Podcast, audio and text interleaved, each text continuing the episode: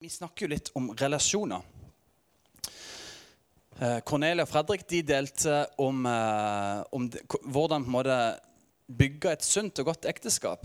Og De har ikke vært gift så forferdelig lenge, men de har opplevd sine ting og står i sine ting. eh, Og delte bare helt fantastisk godt om, om det å faktisk være ett. Og det å bygge et godt ekteskap masse visdom. Og Forrige søndag så delte jeg om det her med å elske sin lokale kirke. Det å gi seg til et fellesskap. Det å være med på godt og vondt. For livet, som Inger sa, det er av og til godt, og av og til er det vondt. Og det å likevel bare å, lene seg inn mot fellesskapet.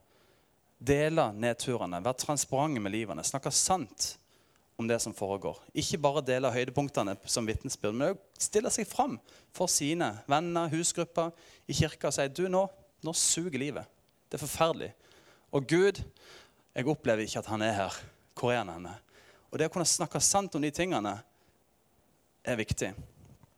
For livet er sånn. Livet er en ødemark av og til. Og i dag så har jeg lyst Jeg skal snakke om noe som er superviktig. Jeg skal snakke om vennskap om vennene dine. Og så tenker du kanskje jeg har ingen venner. Nei, det kan faktisk være at du opplever at du ikke har så mange venner. Eh, og da vil jeg anbefale deg å be og begynne å søke venner. For venner er noe av det viktigste vi har i livet, bortsett fra Jesus.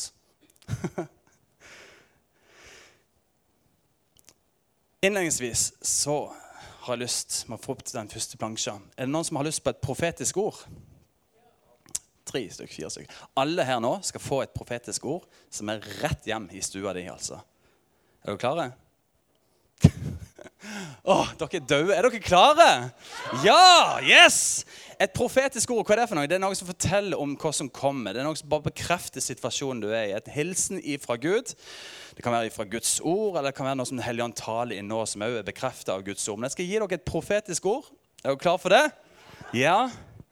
Dine tre, fire, fem venner er en profetisk hilsen til deg om hvordan framtida di vil se ut. Ok? Ta en titt på dine nærmeste venner, de du bruker mest tid sammen med. De du sender meldinger med, de du bruker, de du investerer i, de du savner å være sammen med. Dine tre, fire, fem nærmeste venner er et tydelig, klart, et supertydelig bilde på hvor du kommer til å være om fem år, om ti år, om 15 år til. Dine aller nærmeste har en enorm innflytelse i ditt liv. Det er derfor du kan se at oi, ja, den stakkars guttungen på skolen har de og de vennene. Ja, alle ser jo hvor det livet blir hen, liksom. Ja, men Det er jo fordi at de omgås med feil mennesker. For de. Dine tre, fire, fem nærmeste venner er en profetisk hilsen fra Gud, der han sitter bare OK, er det den veien du vil gå? Er det dette som skal være din framtid? Det, her er, det, det, det er dødsseriøst. Og det er så forferdelig irriterende å se hvordan enkelte mennesker bare lar tilfeldighetene bare, ja, nå begynner jeg å henge med den, for den er så kul, liksom. Vær supertydelig og bevisst på hvem du bruker tid sammen med. For de vil ha en enorm påvirkningskraft om hvor du er om 5, 10, 15, 20 år til. OK? Er du klar? Da begynner vi. I dag skal jeg ikke predike så mye, jeg skal undervise dere. Så fram med telefonen eller notatark, fram med notes eller et eller annet, så skal dere gi dere oppskriften for hvordan vi skal forholde dere til venner og kjente. Er du klar for det? Ja, så bra. Det var én person.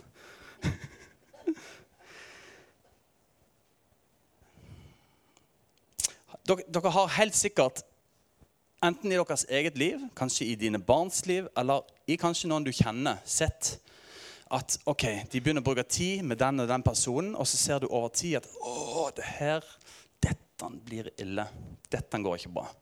Det begynner å få en negativ spiral. Noen som har sett det?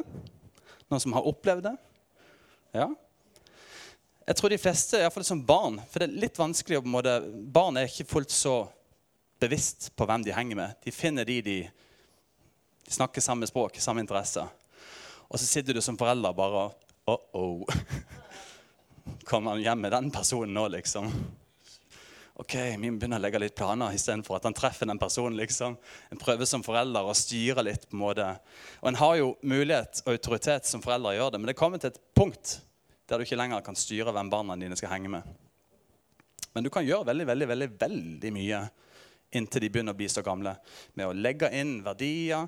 Du kan koble deg på miljøet eller kirke. Eller, du, du, kan ikke manipulere situasjoner, men kan du ha en viss form for påvirkning. hvem barna de skal henge med. Jeg husker når jeg var, når jeg var ung, seks, sju, åtte, ni, ti år, så skal ikke nevne navn, men jeg hang jo med mennesker som mine foreldre tenkte filler'n heller. dette er ikke bra. Dette, dette er som 50-50. Enten så går det bra, eller så går det skikkelig dårlig. Uh, det var voldsomme personer. De var ett-to år eldre enn meg. Det var, altså når vi slåss, så Eller jeg var jo bare med. Jeg var jo uskyldig. ikke sant? Uh, men når vi slåss, så sprang jo de rundt med hammer og sag etter hverandre altså, og de traff de hverandre, så, så, kjørte de på. Altså, det var gale Mathias. Crazy stuff. Og det var stjeling, og vi røykte, og vi spilte klespoker. og altså, Det var ikke bra, altså. Det var bad stuff. Og mamma og pappa de var, de var, de var nervøse, for å si det mildt. Så begynte jeg på skolen, og så fikk jeg en kamerat som var kristen. Og, eh, og han ble min beste venn. Og gjennom tykt og tynt, og spesielt på ungdomsskolen, og vi, ikke så mye videregående, for da gikk vi hver vår vei i forhold til skole, og sånt, men spesielt på ungdomsskolen, slutten av barneskolen og ungdomsskolen, så sto vi gjennom tykt og tynt. Utfordringene og invitasjonene var mange. Men jeg visste bare, jeg, visste, jeg hadde jo hatt et møte med Jesus. Jeg visste jo hvem han er. jeg visste hva jeg ville, Men det er ikke alltid så enkelt. For vennene de drar og de vil ha, og de kommer med tips. og kom igjen. Så jeg er så takknemlig for at den personen kom inn i mitt liv. Som gjorde at en ble korrigert, en ble utfordra, og en måtte hadde en som jeg gikk sammen med. Jeg skal vise en illustrasjon, hvis vi får opp neste bilde. Hvis, jeg, på, jeg, har vært på jobb i helga. Jeg er egentlig på jobb ennå. Men Fredrik han stepper inn vet du, når jeg skal stå her. Så det er jeg veldig takknemlig for. Men uh, hvis,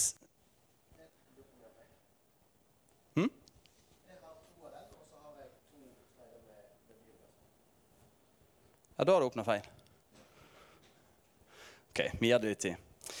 Men jeg, skal, det jeg skal Jeg, jeg lagde en eh, Jeg kan vise uh, Jeg kan vise denne.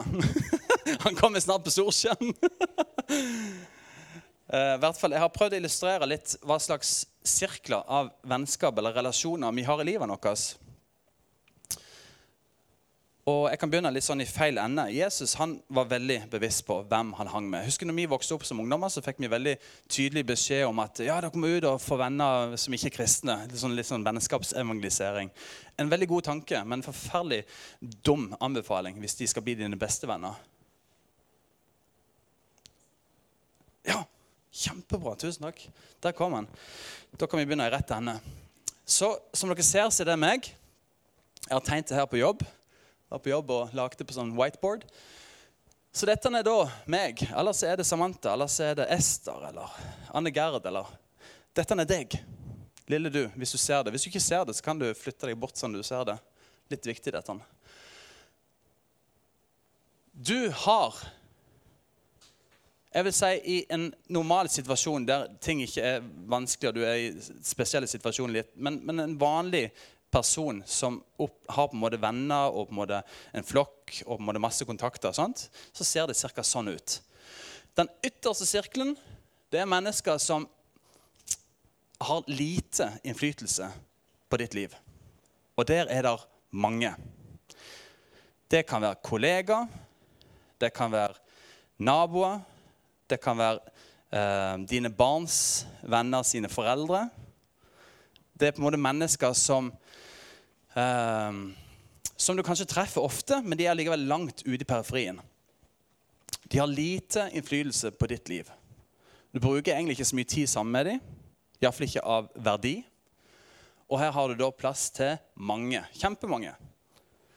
Den neste sirkelen her, det er dine nære venner. Det er på en måte miljøet ditt, gjengen din, the crew. ikke sant? Eh, der er det ikke plass til så veldig mange.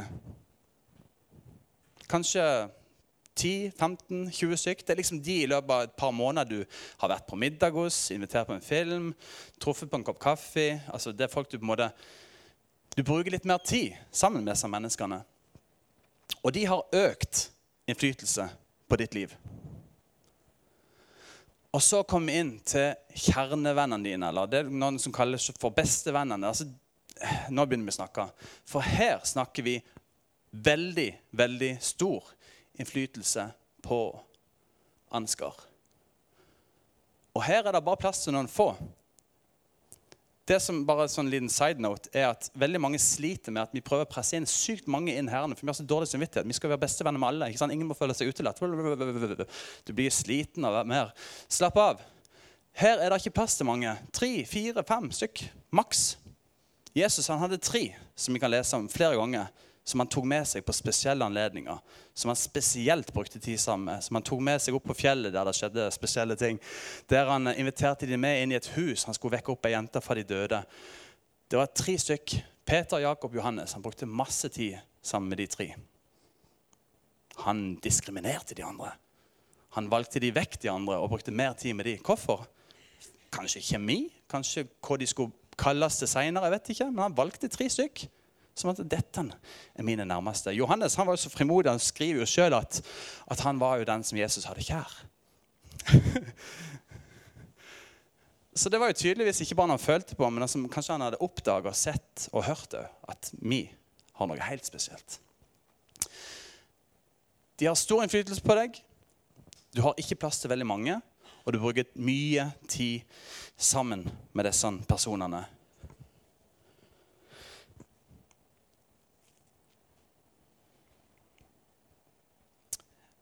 Hvis vi ser litt på Jesus igjen, så ser vi det at han elsker alle mennesker. Han metta de 5000. Han var der for absolutt alle som var interessert. Og så kan vi jo lese om de 120 disiplene. Det var ikke noen som Jesus hadde pekt ut, men det var mennesker som bare fulgte han. De var på han hele tida. De lærte, de så, de var med i jordet, de tjente, de henta mat. De, måtte, de var kobla på i større grad. 120 stykk. Og så har du de tolv nå begynner vi å snakke nære venner. herrene. Det var de som Han disippelgjorde, han brukte tid med dem, han spiste mat sammen med dem. De var med han stort sett overalt i livet. Og så hadde han de tre. Og her kan vi lære masse. Og spesielt i forhold til hvis du vil ha litt mer avslappa forhold til hvem du henger med. For det jeg har lyst til at du skal gjøre, eh, enten underveis mens jeg snakker, eller etterpå, eller når du kommer hjem, skriv det, få det ned iallfall. Definer hvem som er dine litt sånn tilfeldige, abstrakte venner som handler litt om tilfeldigheter. Ting du ikke kan styre så mye. Det er folk som er i livet ditt, eh, om du vil eller ikke. Og så har du de nære vennene. Det er de du bruker tid sammen med. Du inviterer på middag. Det er mennesker du treffer regelmessig. Mange av de er kanskje en del av kirka. Så videre. Det er mennesker som du har et bevisst relasjon til, som du liker å være sammen med. Og så har du dine kjernevenner, dine aller nærmeste. Og der er det viktig at vi gjør rett. Der er det superviktig. Altså mark my words. Det er livsviktig at dine tre, fire, fem nærmeste er gode mennesker for deg. Og Det handler ikke om at de skal være gode mot deg, for det er nok av de som ønsker å være gode mot dere, men at det er mennesker som er gode for deg. At de får fram det beste.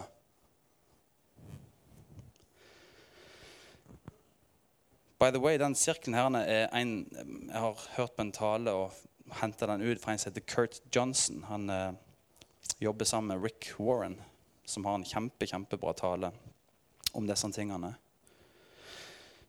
Så, så jeg ikke skal bli tatt for plagiat. Jeg har kopiert det. Ok, Bibelen den advarer ikke mot noen personlighetstrekk. Og ikke bare alle kan ha noen negative trekk innimellom noen sånn unote, ting som ikke er bra. Vi er jo tross alt mennesker. Men Bibelen advarer veldig veldig, veldig tydelig veldig, veldig ofte mot enkelte personlighetstyper. altså Noe som bare dominerer dem. Det er en del av hvem de er. Altså Alle hadde sagt at ok, den personen den er sånn. liksom. Det er noe som bare er mer enn at du faller av og til og gjør feil. Og Vi skal få fram den første. Og den første, det er Kranglefanter. For de, for de, som ikke vet hva det er for noe, jeg har gjort det litt norsk. En kranglefant det er en som alltid er ute etter å krangle. Uansett hvor han eller hun er, så er det en eller annen diskusjon. Et eller annet som ikke er greit. Å fyre opp altså, når, når det er en heftig diskusjon, enten om det er trolling i kommentarfeltene på Facebook eller på aviser, eller om det er i gruppe eller om det er, altså Du finner det ofte i politikken. Til og med der kan du se at det er bare noen som er der for å krangle, for å lage et eller annet skit. Og hvis det ikke er krangel, ja, så lever de ikke. Men når det er krangel, så er det bare I'm alive. ikke sant? Yes, det er fight ute og går. Og til og med i kirke så kan du ha de. Altså, De, de gir seg ikke før det er kamp, liksom. Hold dere langt vekke fra kranglefanter. Det står i ordspråkene 23 å holde seg fra trette, altså holde seg vekke fra krangling eller splid eller på en måte, Det er et gammelt ord. Sorry, men trette er ordet. Å holde seg fra trette det er en ære for mannen. Den som er dum ok, Hør her. Den som er dum. Hvis du vil være dum, så ypper du til strid. Altså den som holder seg borte ifra krangling. Ære til den. Den som er dum, den ypper til strid. Fyrer opp hele tida. Du kan ha dem på arbeidsplasser.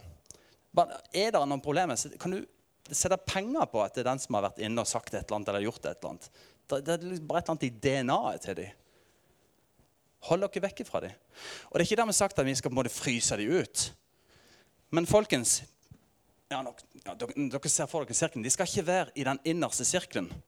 Ikke ha dem tett på ditt liv. Ikke la de ha stor innflytelse på deg. Ha de gjerne ute i den sirkelen her, eller helt ytterst, gjerne hvis du skal ha litt fred i livet ditt. Men ikke ha de som en beste venn. La de gå. Nummer to.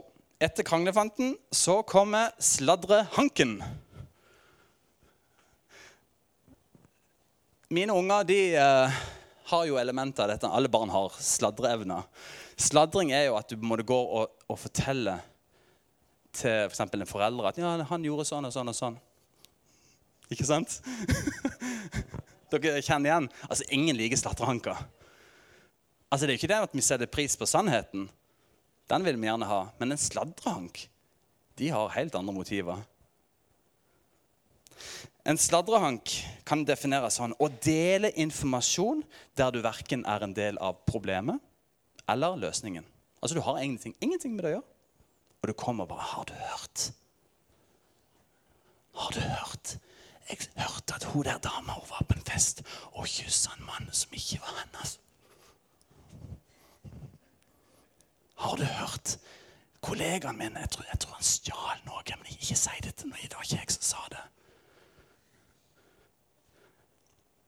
Et annet ord for sladrehank Sladrehank er litt barnslig, men et annet ord kan jo være en baktaler. Og jeg må jo si sjøl at jeg har blitt veldig bevisst på det. Eller Den hellige ånd er veldig klar over det.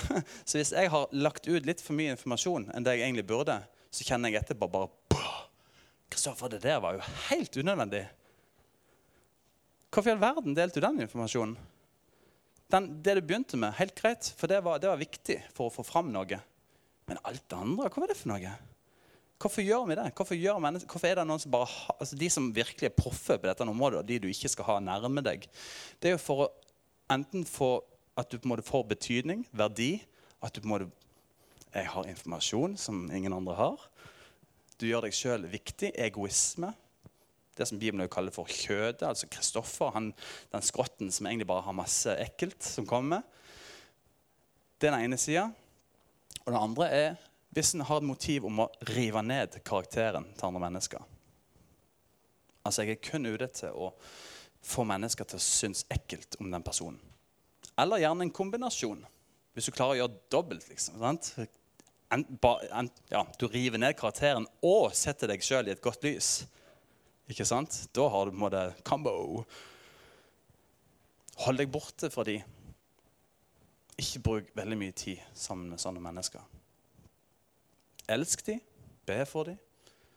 Gjerne inviter dem på en kaffe, kopp kaffe, men vær veldig klar at det de deler med deg, det går de nok videre til neste bord, og så forteller de om deg til andre. Det er bare en del av deres DNA. Og det er sånn personligheten, eller det er sånn evnen, eller den, på en måte, den, den ånden mennesker er bærer av Det er ikke sånn at vi skal bare, de er fortapt. Nei, alle mennesker kan omvende seg. De kan vokse, legge vekk disse tingene. Men når de virkelig bare, det er det som kommer ut av dem, ikke ha de tett på livet ditt. Den tredje, det er smiskere. Noen som kjenner til smiskere? Du legger fort merke til dem, spesielt på arbeidsplasser eller i, i settinger der det er mye folk. Så merker du bare at um, Jeg husker det var Nei, jeg skal ikke dele det, forresten. det blir mesten så jeg sladrer.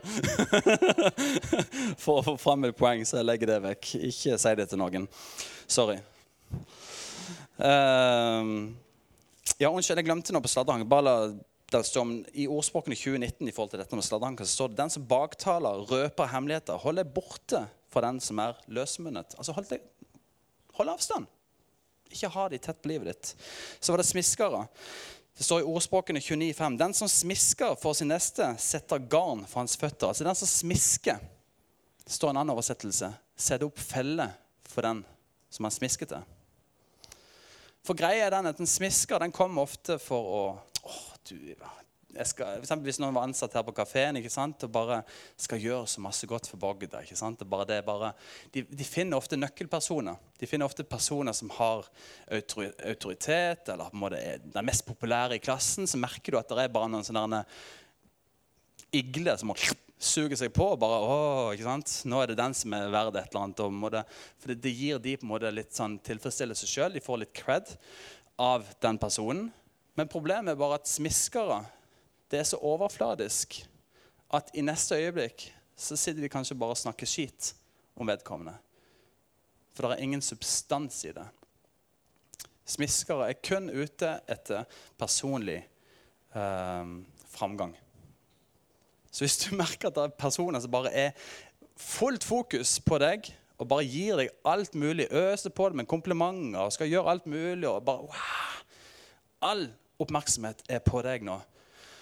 Vær litt forsiktig. For mest sannsynlig så vil, du ende opp såra og forlatt.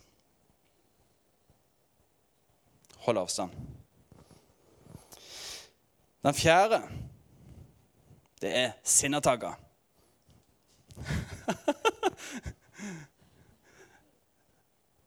Mennesker som har alvorlige um, Hva heter det for noe? Aggresjons... Uh, altså temperamentproblemer. Som enten eksploderer for ingenting og bare freser ut. og på en måte bare Det den typiske aggresjonen og temperamentet.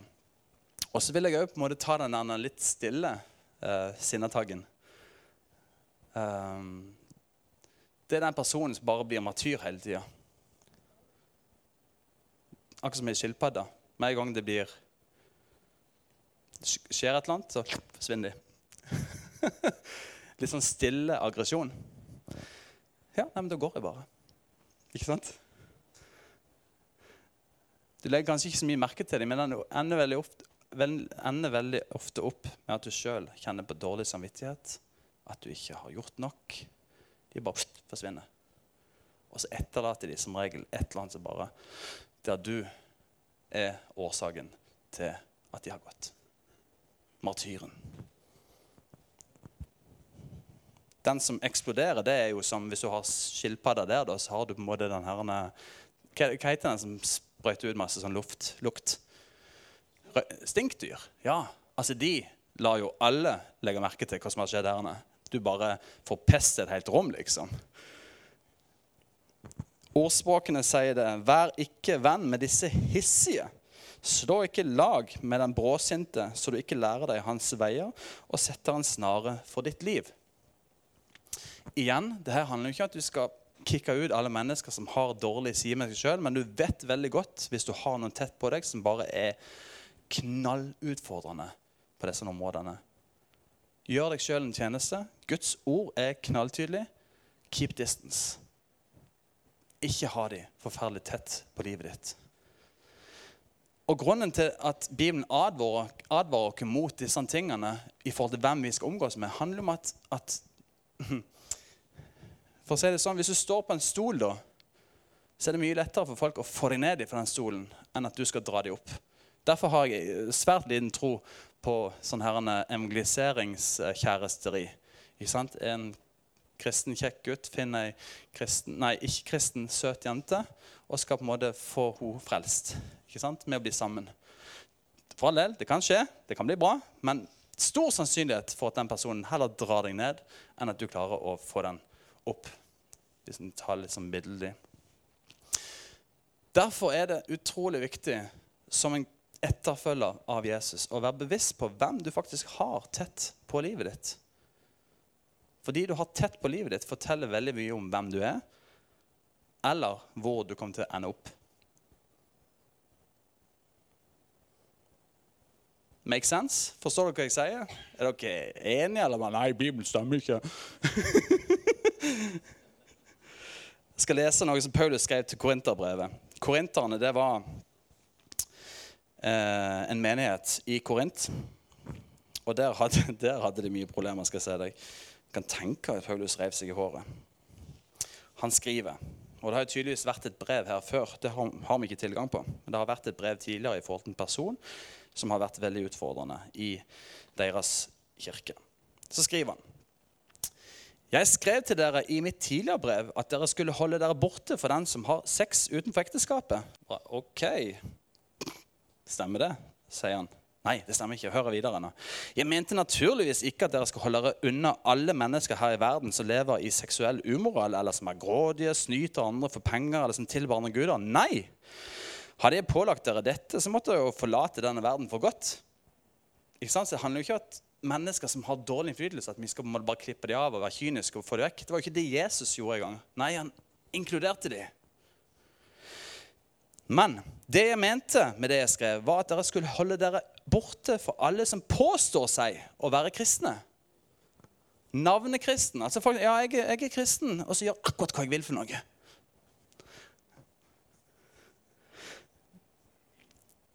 Altså, Det jeg mente da jeg skrev, var at jeg skulle holde borte for alle som påstår seg å være kristne, men som lever i seksuelle umål, er grådige, tilber avguder, snakker nedsettende om andre, drikker seg fulle eller snyter andre for penger. holder dere langt unna mennesker med en slik dobbeltmoral. Hvorfor? For hvis du har mennesker som lever i dobbeltmoral, så vil de mest sannsynligvis dra ned deg òg. Enkelt og greit. Det, altså, det her er jo ikke åndelig engang. Det her er menneskelig psykologi. ikke sant, Anne Gerd? Miljø har mye å si. Hvem du omgås med. Og ikke bare hvem du omgås med, men hvem du har tett på deg. For de taler inn i livet ditt, de påvirker deg. Ja, men det er ikke så farlig. Hallo, det er ingen som ser det. For det er da ikke vår oppgave å stille krav til den som ikke engang kjenner Gud. Altså, Vi har ikke noe med de. Folk må gjøre hva de vil. Vi skal ikke rundt og dømme. Ja, Gud hater det, og Gud hater det. Nei, det er ikke de vi skal tenke på. Men dere skal ha høyere forventning til dem som sier de er kristne, og som har Jesus i sitt hjerte. En annen oversettelse sier at de skal vi dømme. Og det er ikke sånn at vi skal dømme de. Men som kristne så skal vi jo disippelgjøre hverandre. Vi skal tale sannhet så å flagge opp det her flagget med at ja, du skal ikke dømme andre, liksom, nei, det er helt tull. Når vi er kristne, når vi kobler på kroppen, menigheten, Jesus som hode, så er Bibelen den største domme, dommeboka som forteller oss hva vi skal gjøre, hva vi ikke burde gjøre. Hva som fører til synd og eventuelt fortapelse. Hva som fører til liv og evig liv. Av dem altså de som faktisk er kristne og har Jesus som herre i sitt liv, av dem bør dere ikke tolerere hva som helst. Og derfor skal den eh, iblant dere som lever i synd, bli ekskludert fra fellesskapet. De som ikke kjenner Gud, skal en gang, en gang bli dømt av Gud selv, ikke av oss. Og igjen så er det her snakk om en spesiell person i den menigheten som skriver om, som da har eh, Hva han har gjort for noe? Han hadde hatt seksuelt samliv med pappaen sin mor, eh, pappaen sin kone. altså Det var en sånn crazy greie. Men allikevel er det et tydelig bilde på at Hallo. Vi kan ikke bare gjøre hva vi vil for noe og tro at ja, Gud velsigner meg. liksom, og alt sånt. Nei, vær superbevisst på hvem du faktisk har tett på livet ditt. For de har en enorm innflytelse på deg. Du kan i dag sitte og tenke ut ifra situasjonen du er i dag, og tenke at ok, det er, er en grunn til at du er der du er i dag. Det handler om lærere, det handler om familie, og det handler om nære venner. Og kanskje litt tilfeldigheter. For de har en enorm påvirkning på livet ditt. Avslutningsvis så har jeg lyst til å bare nevne noen kvaliteter som en kjernevenn burde ha. Nå var det mye negativt. Hold dere vekke for de, hold dere vekke for de, hold dere vekke for de. Men hva er det som er viktig i en person som du ønsker å ha tett på livet ditt? Og det er mye mer enn de tre punktene jeg skal nevne nå. Men den første Velg noen som oppmuntrer deg. Som oppbygger deg. I første Tessalonika-brev så står det derfor må dere oppmuntre og oppbygge hverandre, som dere også gjør. Og Her er det ikke bare snakk om at du er løs i munnen og er flink til å gi komplimenter. 'Å, Samantha, så fint hår du har.' liksom. Det er ikke den type oppmuntring. 'Å, Kristoffer, du har fått så langt hår nå.' liksom. Jeg sparer til langt hår. 'Å, tusen takk.' Altså, det er fint. Det er godt med, med komplimenter. Det, det, står jo i Bibelen at vi skal være flinke til å hedre hverandre og skryte. og sånt. Men det det er snakk om her, er mennesker som setter mot i deg. Som bygger deg opp. Så du står på én stol, og så finner du en venn som står på en annen stol. Så får du på en måte enden høy, står jeg enda høyere. på en måte. Altså Ikke mennesker som drar deg ned, men mennesker som bygger deg opp. En oppbygger. Mennesker som gir deg et glimt av Jesus. Nummer to Velg noen som støtter deg emosjonelt. Eller kanskje materielt, til og med. Mennesker som støtter deg. Støttende personer. Og det er iallfall ikke folk som hvis du måtte begynne å gjøre et eller annet som bare er helt steingale, så bare Ja, jeg støtter deg. I got your back, baby. Nei, ikke i det hele tatt. Det kommer vi til etterpå. Men mennesker som virkelig er de Når alle mennesker i rommet går ut, for det har skjedd et eller annet, så er du den som går inn. Den personen som ikke bare sender melding 'Ja, jeg er her for deg'. Nei, men du er der med deg. Som står sammen med deg. Som ber for deg.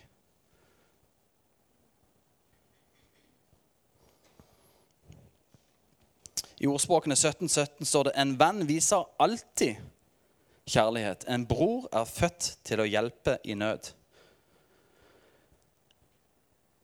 De her tre, fire, fem stykkene som du bruker mye tid med, som du setter pris på kanskje, som du har tett på deg i livet. Og du vet sikkert nå hvem du har, har tett på deg. Er det en person som virkelig støtter deg, som du vet er med deg når ting begynner å rase? eller går han ut sammen med resten? Nummer tre velg noen som utfordrer deg. Og hør, Da er det ikke om å gjøre å få mest mulig ikke-kristne venner eller muslimer eller New Age-folk eller folk som utfordrer deg. Ja, jeg må ha noe som filosofisk eh, må det stimulere meg litt. liksom. Nei, ikke i det hele tatt. Dine tetteste venner hvis du er en etterfølger av Jesus, skal være kristne. Men at de utfordrer deg. Ordspråkene 27, 17 sier den som ferdes med de vise, han blir vis. Men den som omgås med dårere, det er et annet fint ord for idioter, den går det ille med. Har du noen som har hørt uttrykket 'jern kvesser jern'? Har du tatt to sånne her armeringsjern, de her rillene, vet du, sant? så lager gode lyder. Det skjer et eller annet. Jern kvesser jern. Det er et billig ord for at For du som er gift, da, du vet godt at det å være gift det har sine utfordringer. Jern kvesser jern. Det kan rive. Det kan være vondt, det kan være utfordrende. Men med Guds hjelp og med ydmykhet og kjærlighet så gjør det det til mye bedre menneske. Og Det samme gjelder hvis du har en nær, god venn som utfordrer deg. En som snakker sant når du går dine egne veier og tenker at Gud er med meg uansett så kan den personen komme Neimen, hallo! Hva skjer her for noe? Alarm, alarm, alarm, alarm. Snakk sannhet. En person som utfordrer, kan være en som du sitter og snakker med i forhold til hvordan skal vi oppdra barna. Ja, vi gjør det på den måten og den måten og den måten. Ja, vi gjør det på denne måten og denne måten. denne måten. Så kan være enige om å være uenige, men det er med å utfordre. For det finnes, ikke ABCD, en oppskrift på hvordan oppdra barn. Men du kan lære og du kan bli utfordra av andre mennesker. En person som står tett på deg, som utfordrer deg i tro, i moral, i verdier, i retning, i prioriteringer som virkelig får deg til å tenke. Det enkleste er jo å finne noen som bare tenker likt, gjør likt. 'Å, vi har det så fint, aldri krangler vi.' ikke sant? Vi bare, 'Å, det er så fint og behagelig og komfortabelt.' Og det er jo greit. Det er jo godt å ha altså I den gjengen da, tre-fire stykker kan du godt ha en eller to sånne. ikke sant? som, som, det er bare godt å være med. Men sørg for å ha noen mennesker i livet ditt som utfordrer deg som snakker litt sannhet når du trenger å høre det.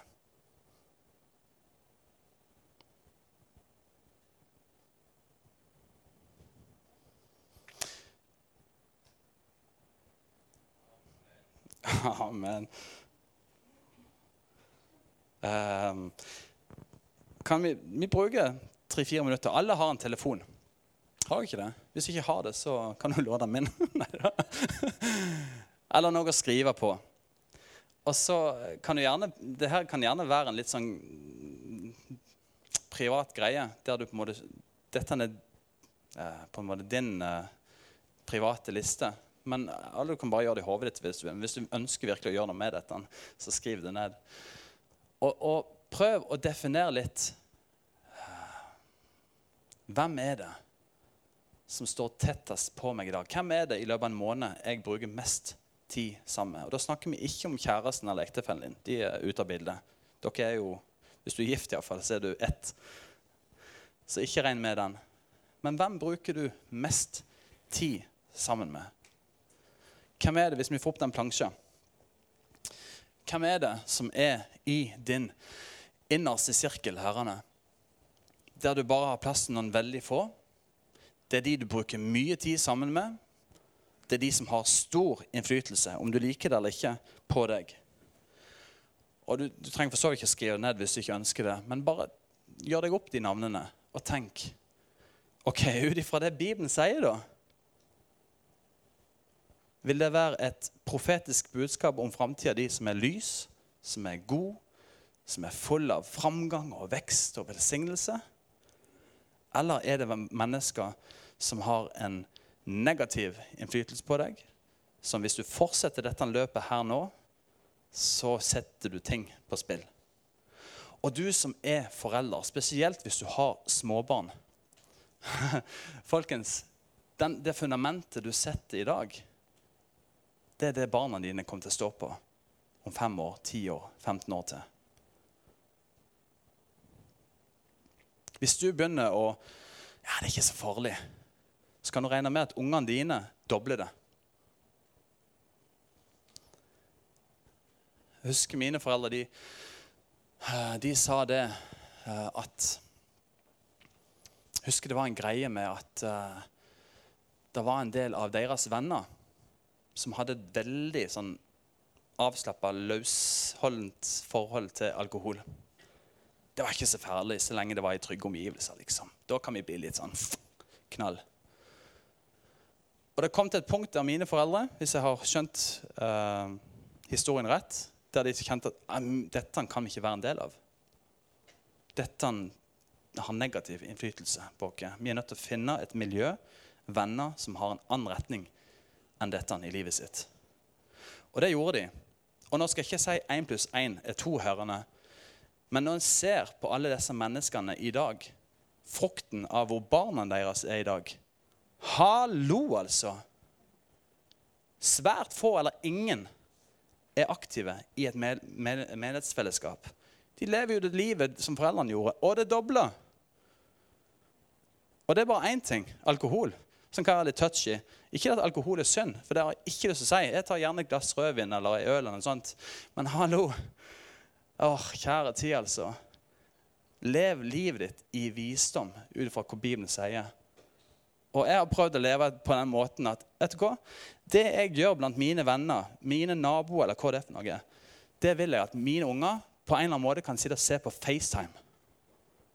Min oppførsel blant mennesker skal være noe mine unger kunne sett på en video, eller mest så de i samme rommet. Jeg skal ikke leve et dobbeltliv der at nei, nå må vi trekke oss vekk på ei hytte liksom, og nå kan vi, ja, kan vi stalke ut liksom, og gjøre hva vi vil for noe. Nei, vet du hva? jeg har lyst til å leve et liv som er et eksempel for mine barn. Og hvis mine barn ikke kan sitte i samme rom med meg når jeg er på en fest, ja, så har jeg ingenting å gjøre der jeg er, i den posisjonen og situasjonen jeg har satt meg i. Vær et forbilde for dine barn.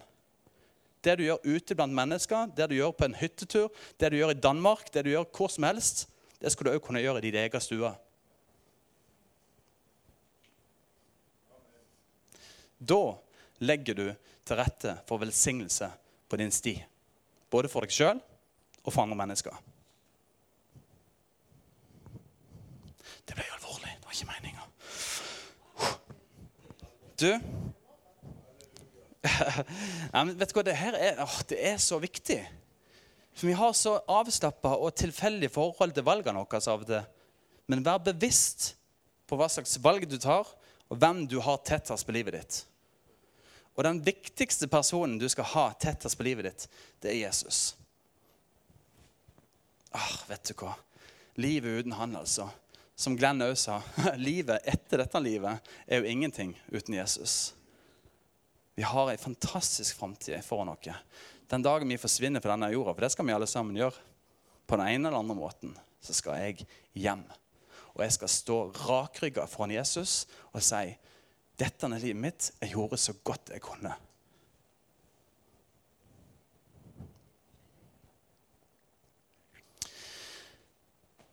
Jesus, jeg takker deg for at du er full av nåde og kjærlighet. Og takker for at du tar imot alle mennesker, syndere som vi er.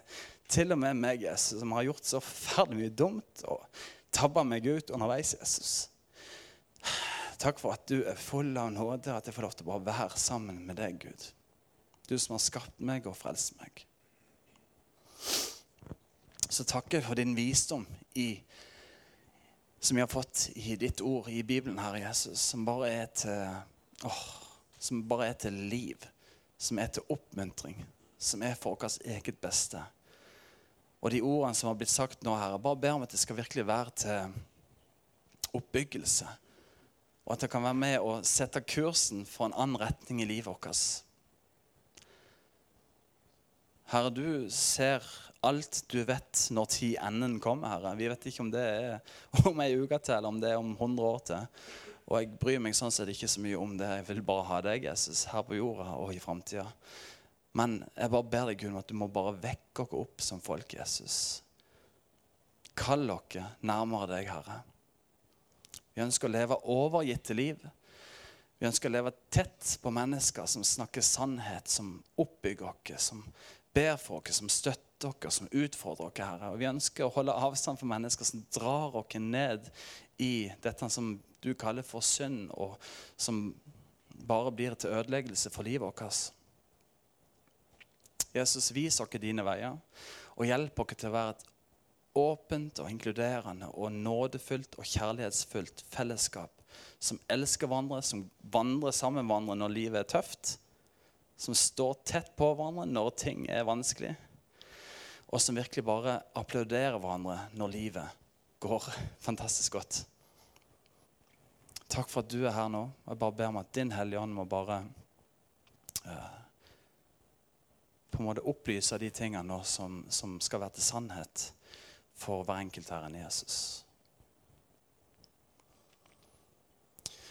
Mens vi ber og holder øynene igjen jeg vil gjerne at du skal bare gjøre den. Bare lukke øynene dine. Så har jeg lyst til å gi en utfordring, en invitasjon.